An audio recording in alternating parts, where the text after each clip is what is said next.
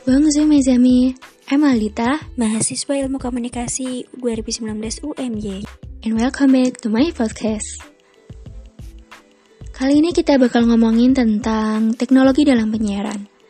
Sebelum mengenal adanya streaming, podcast, atau dunia digital yang makin canggih sekarang ini, gue dulu pernah ngalamin masa-masa dia mematung menghadap layar monitor di televisi.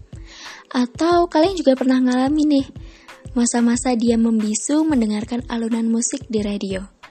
Nah, gue bakal ngajak kalian untuk nostalgia sebentar dalam perihal teknologi di penyiaran. So, stay tuned and listen this.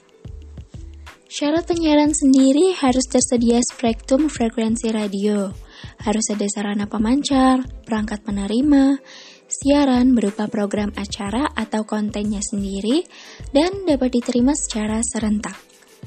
Untuk sarana pemancaran, kita bisa pakai mikrofon yang mengubah bunyi ke sinyal listrik, rangkaian pemancar yang mengubah sinyal listrik ke gelombang elektromagnetik, terus kita juga bisa pakai antena pemancar gelombang elektromagnetik ke tempat jauh. Nah, kita juga, pasti juga sering mendengarkan teknologi pemancar radio ada istilah AM dan VM.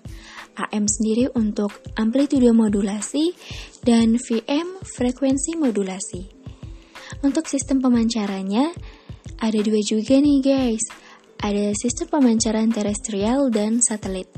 Umumnya yang dipakai sekarang ini kita lebih banyak menggunakan pemancaran satelit. Bahkan di seluruh dunia pun juga kayak begitu. Nah, ini poin menariknya guys. Ternyata di seluruh dunia itu punya standar penyiaran masing-masing. Dan beberapa negara itu kode TV-nya tuh sama gitu. Pertama, ada NTSC, National Television Standards Committee. Ini umumnya dipakai di negara Amerika Serikat, Kanada, Jepang, Korea, dan Meksiko. Selanjutnya ada PAL, Path Alternating Byline. Ini paling banyak digunakan di negara-negara dalam dunia. Contohnya ada Indonesia, China, sebagian Amerika Serikat, sebagian negara Eropa, dan sebagian negara Asia. And the next, the lastly, but this not least, ada scam, sequential, color array memory, yang digunakan di negara Prancis, Asia Tengah, dan Afrika. Nah, hal yang membedakan dari tiga standar penyiaran ini apa sih?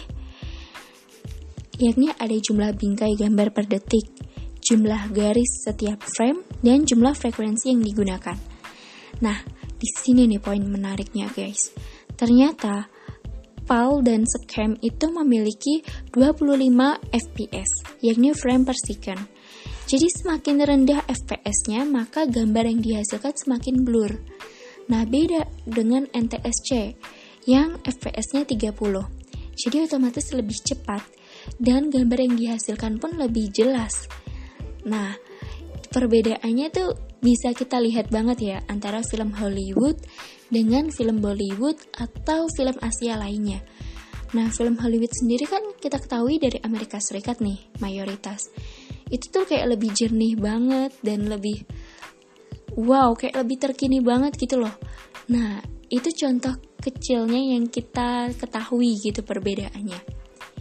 Seperti itu tapi kita juga nggak memungkinkan sih. Di sini kita bukan berarti mengkotak-kotakan mana standar penyiaran yang lebih bagus gitu. Karena pada pada dasarnya semuanya bagus gitu. Cuma emang itu lagi yang kita lihat yang membedakan adalah jumlah bingkainya, jumlah garisnya, jumlah frekuensi yang digunakan per negara itu berbeda.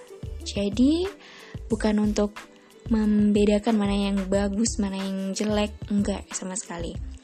So, kita ketahui jenis lembaga penyiaran itu ada tiga guys. Ada publik, komunitas, dan swasta. Nah, kalau kayak ini mah kita udah tahu banget ya, baik televisi maupun radio gitu.